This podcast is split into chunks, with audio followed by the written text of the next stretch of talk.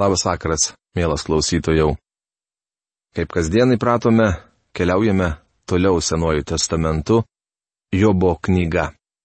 Praėjusioje laidoje pradėjom nagrinėti 32-37 skyrius, kurių tema Elihubo kalba.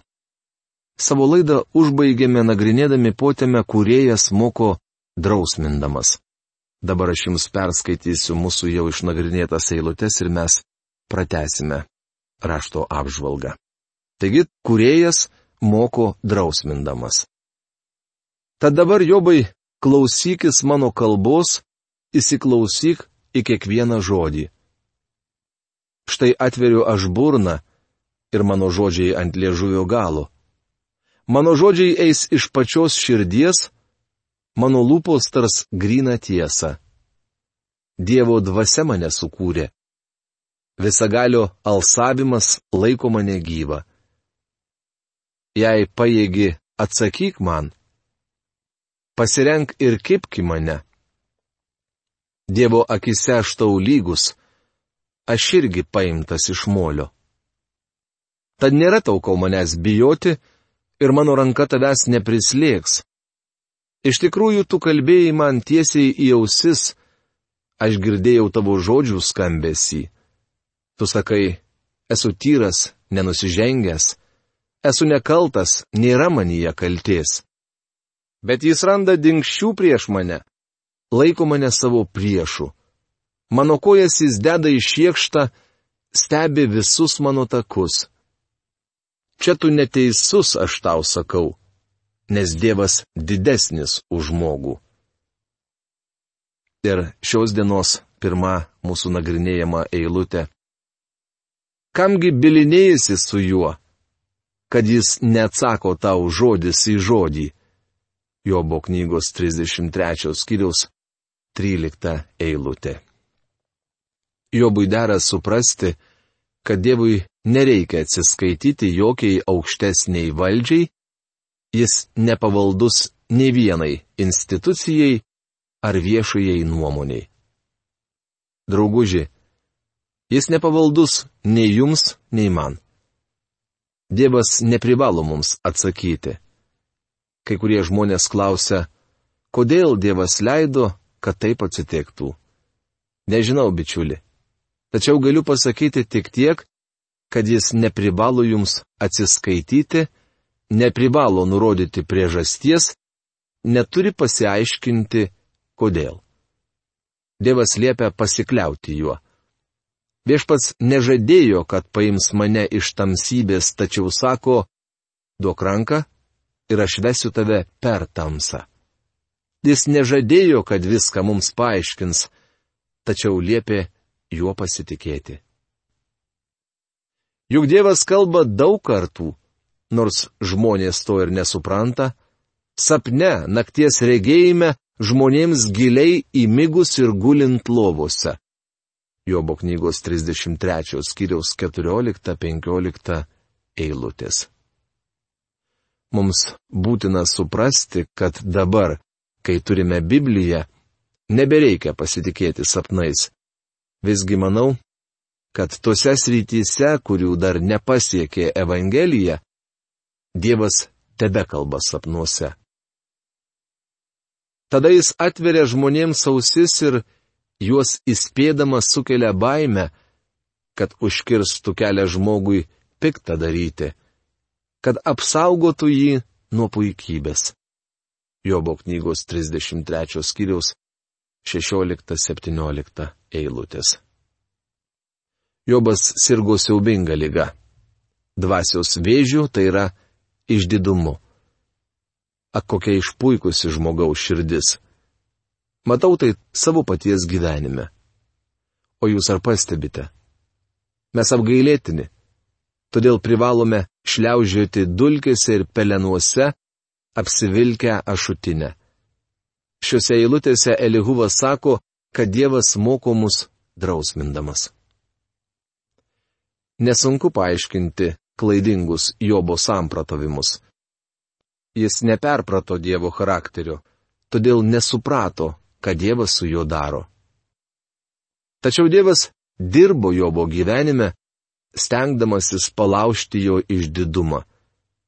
Jis siekia pašalinti šio vyro puikybę. Jobas buvo geras, netgi šaunus žmogus. Visgi toks pat niekingas nusidėlis kaip jūs ir aš. Kadangi mes nusidėliai, į mūsų gyvenimus įsiskverbia puikybė. Pavyzdžiui, mes pykstame ant tų, kurie mus kritikuoja. Dievas nuo teisiųjų nenugrėžia akių, rašoma Jobo 36 skyriaus 7 eilutėje.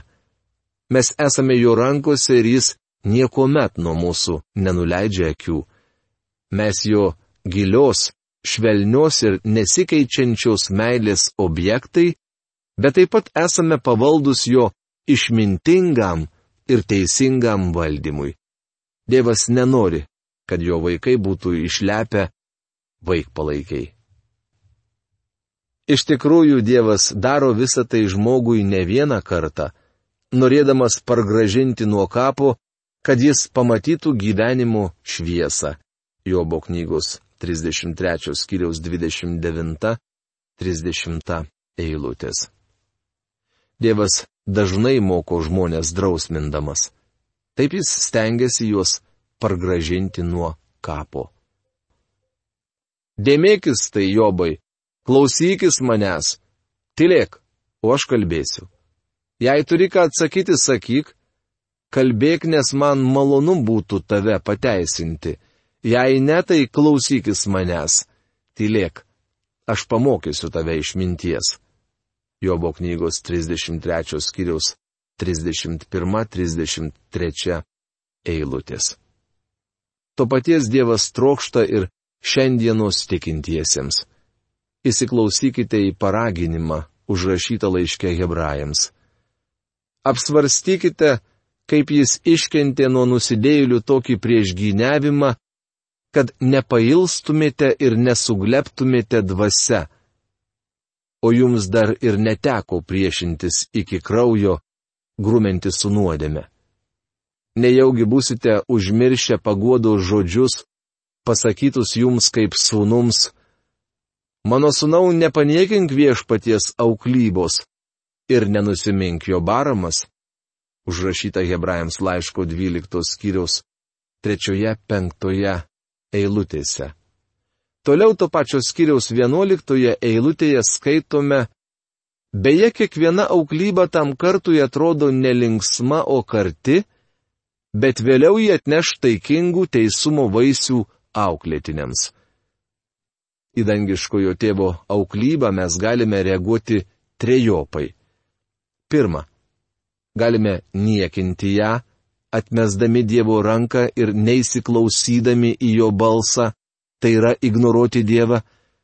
Antra, galime suglepti. Tuomet patiriame tikrą pralaimėjimą. Beje, Jobui būdingos abi šios reakcijos. Tačiau ką mes turime daryti. Trečia, privalome pasimokyti iš Dievo auklybos, kad ji duotų taikingų teisumų vaisių. Dievas griežtai auklėja, ką myli, ir plaka kiekvieną sūnų, kurį priglaudžia. Tai ir yra pagrindinis tikslas, slypintis už visko, ką teko patirti Jobui. Dievas tobulai atliks savo darbą. Dievas niekada nedaro piktą.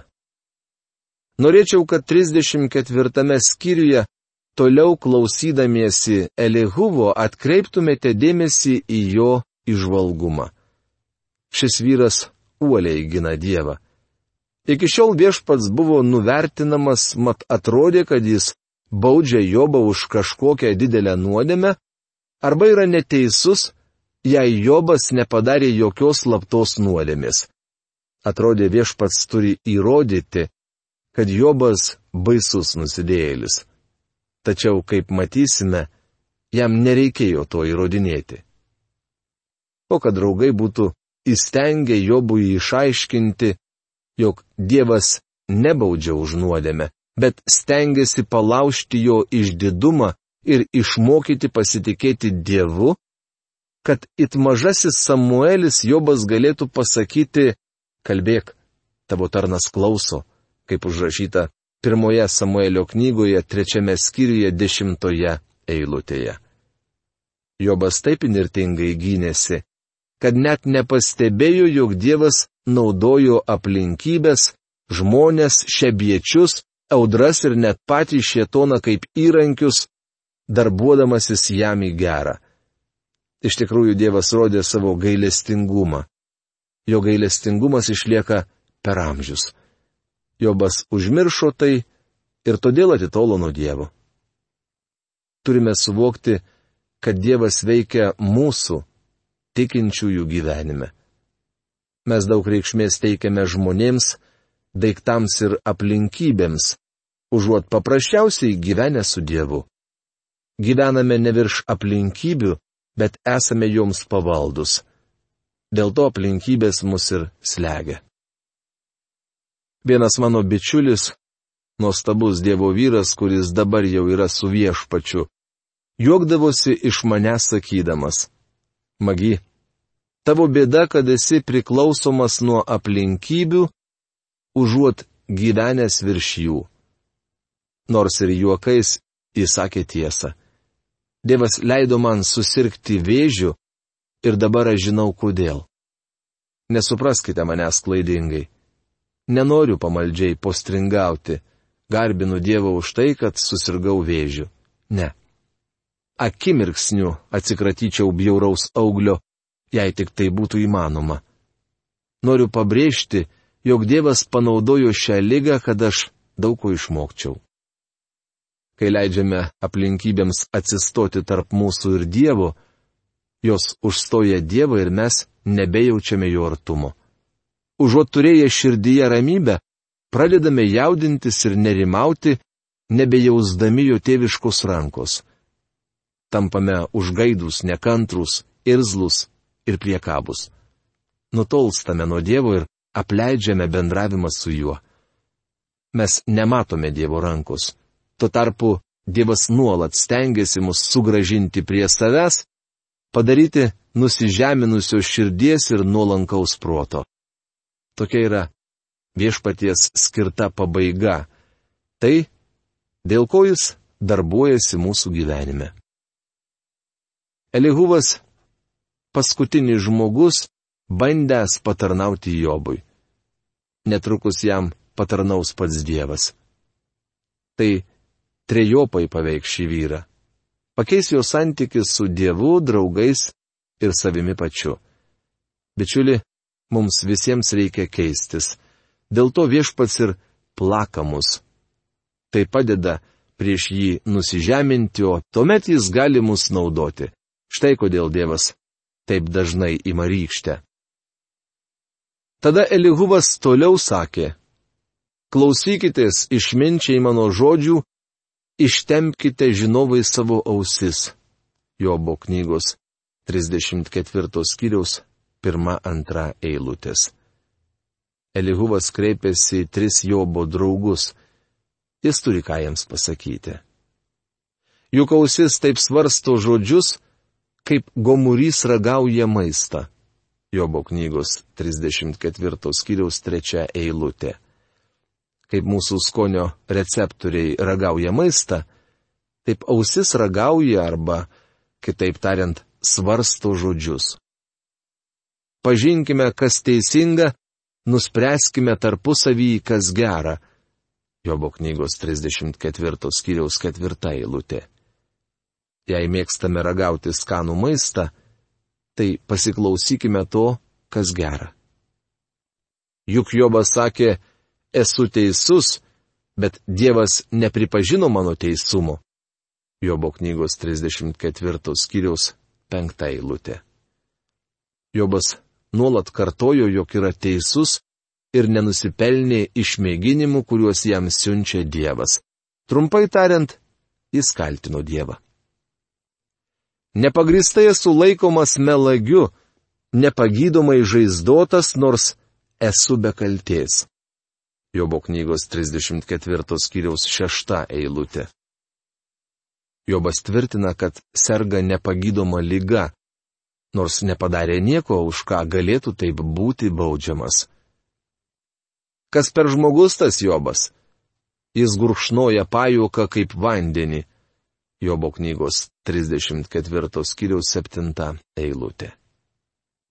Jobas niekina viešpaties auklybą. Jam atrodė, kad Dievas neturi teisės taip elgtis. Toks nusistatymas atitolino jį nuo Dievo. Jobas ėmė glepti nuo tokios auklybos. Ir mes neturėtume suglepti, kai jis mus pabara. Dievas visą daro mums į gerą. Bendrauja su piktadariais ir susideda su nedorais vyrais. Jobo knygos 34 skyriaus 8 eilutė. Jobas prisijungė prie dangui grumojančių piketuotojų ir susidėjo su piktadariais bei nedoriliais. Jis tarsi žygiuoja protesto eitynėse, neždamas plakatą, ant kurio parašyta Dievas neteisus, o aš teisus. Taip daro daugelis žmonių. Jobas prisijungia prie maištaujančiųjų prieš Dievą. Juk jis sako, žmogui nėra jokios naudos patikti Dievui. Jobo knygos 34 skyriaus 9 eilutė. Tai tas pats lyg tvirtinti, tarnavau Dievui ir buvau geras berniukas, tad tikėjausi, jog sekmadieninės mokyklos mokytojas mane pagirs. Maniau, kad per kalėdas Dievas padovanos ką nors gero, tačiau jis tik apipylė mane perenais. Dievas negražiai pasielgė. Toks buvo Jobo nusistatymas, būdingas daugeliui nūdienos krikščionių. Taigi, protingiai vyrai, klausykitės manęs. Ne Dievui daryti tai, kas nedora, ne visagaliui daryti tai, kas pikta. Jobo knygos 34 skyriaus 10 eilutė. Elihuvas vėl tvirtina, kad Dievas elgesi teisingai. Prisiminkite, kad Paulius klausė, kągi pasakysime, gal Dievas neteisingai daro? Nieku būdu. Užrašyta romiečiams laiško 9 skyriaus 14 eilutėje. Mano draugė, jei tvirtinate, kad Dievas neteisus, jūs klystate. Dievas visuomet teisus, o mes su jumis visuomet neteisus. Dievas neprivalo mums duoti ataskaitos ar prašyti leidimo, ką nors daryti. Įdomu, kad šiandien kai kurie žmonės pasisako už tai, jog nusikaltėliams būtų leista gyventi, kaip jiems patinka, tačiau nenori leisti Dievui valdyti visatos taip, kaip jam patinka. Drauguži, Dievas valdys visatą teisingai, jo nevaržo jokie mūsų standartai. Juk Dievas iš tikrųjų nedaro, kas nedora. Visagalis nėra neteisingas. Jobo knygos 34 skyriaus 12 eilutė. Galite tai užsirašyti savo knygelę. Dievas nesielgia nedorai, jis nedaro, kas neteisinga. Jei norite Dievą apkaltinti už tai, kad jis Senojo testamento laiku atsikratė amoritų, jūsų valia tačiau tai nereiškia, kad Dievas neteisus. Galbūt taip netrodo, tačiau aš žinau, kad 400 metų Dievas buvo maloningas amoritams, duodamas pakankamai jiems laiko atgailauti ir tik po to juos nušlavė nuo žemės paviršiaus. Dievas visuomet teisus. Nuo to ir pradėkime savo samprotavimus.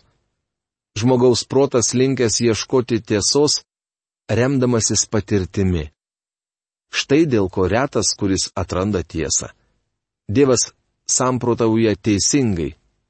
Jis yra tiesa. Viešpats Jėzus sakė, aš esu tiesa, rašoma Jono Evangelijos 14 skyriaus 6 eilutėje. Kai pilotas paklausė, o kas yra tiesa, užrašyta Jono 18 skyriaus 38 eilutėje, tiesa stovėjo prieš jį. Jėzus yra tiesa. Mums ypatingai svarbu išmokti per šią tiesą žvelgti į patyrimus, kaip tai daro pats Dievas. Argi kas nors kitas patikėjo jam žemę ir pavedė jam visą pasaulį? Jei tik jis panorėtų atšaukti savo dvasę ir gyvybės alsavimą, Jobo knygos 34 skyriaus 13 14 eilutės. Dievas rūpinasi žmogumi. Dabar mes su jumis truputį peršauksime į 31 eilutę. Tarkime, kas nors sakė Dievui, iškentėjau bausmę, daugiau nenusižengsiu. Jei Dievas jums davė beržinės košės, išmokite pamoką ir daugiau nebekartokite senų klaidų. Jis neleis, kad jums kas nors nutiktų, nebent tai bus jums į gerą. Pamokyk mane, kad galėčiau matyti. Jei piktą padariau, daugiau to nedarysiu. Jobo knygos 34 skyrius 32 eilutė. Jei padarėte piktą ir žinote, kad Dievas dėl to jūs baudžia, grėžkitės nuo savo nuodėmės ir daugiau jūs nebekartokite. Protingi žmonės man sakys, ir išmintingas vyras mane išgirdęs tars. Jobas kalba nežinodamas, jo žodžiai neapgalvoti. Jobo knygos 34 skyriaus 34-35 eilutės.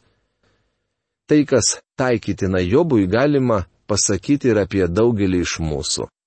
Mes daug kalbame, tačiau dažnai nežinodami ir neapgalvotai. Šiandien populiaru diskutuoti. Žmonės, o ypač jaunimas, prašo, kad su jais diskutuočiau. Mielai priimu tokius pasiūlymus, tačiau dažnai tenka išgirsti tikrų kvailyščių. Ne tik Jobas kalbėjo nežinodamas ir neapgalvotai. Daugelis žmonių taip šiandien kalba, nors kai kurie iš jų yra apsigynę filosofijos mokslų daktaro laipsnius. Aukštas mokslinis laipsnis dar nėra pažinimo ir išminties garantas. O kad Jobas būtų iki galo išmėgintas, nes jis kalba kaip nedoras vyras, juk jis savo nuodėmę papildo maištu, mūsų akise skeričiojasi ir vis daugiau burnoja prieš Dievą. Jobo knygos 34 skyriaus 36-37 eilutės. Elihuvas vilėsi, kad Dievas tol mėgins Jobą, kol šis ims ginti jį, o ne save. Mielas klausytojau, šioje rašto dalyje šiandien norėčiau ir sustoti. Pratesimą girdėsime kitoje mūsų laidoje. Iki malonaus sustikimo. Sudė.